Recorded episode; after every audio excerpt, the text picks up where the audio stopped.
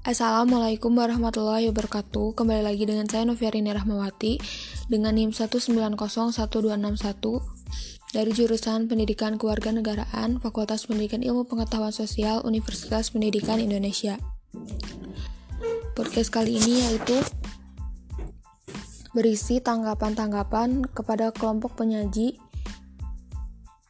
Dan diskusi atas pertanyaan terhadap kelompok penyaji. Kali ini untuk tanggapan pertama yaitu terhadap kelompok 6 yang membahas tentang kejahatan terorisme dalam perspektif kriminologi dan ilmu sosial lainnya. Yang pertama, dapat kita ketahui bersama bahwa kasus mengenai terorisme ini merupakan kejahatan bersenjata yang telah banyak terjadi di Indonesia. Kejahatan ini juga sulit untuk didefinisikan.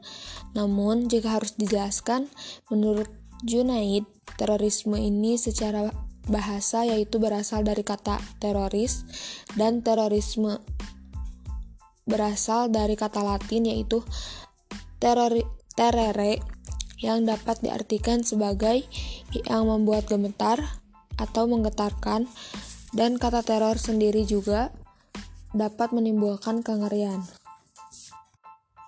Sedangkan secara terminologis, terorisme ini adalah penggunaan kekerasan untuk menimbulkan sebuah ketakutan demi terciptanya sebuah tujuan. Biasanya tujuan di sini yaitu tujuan politik dari beberapa golongan. Dalam hal apa pun, dilihat dari maknanya saja, terorisme ini sudah sangat tidak dibenarkan karena mengandung kekerasan dan kejahatan.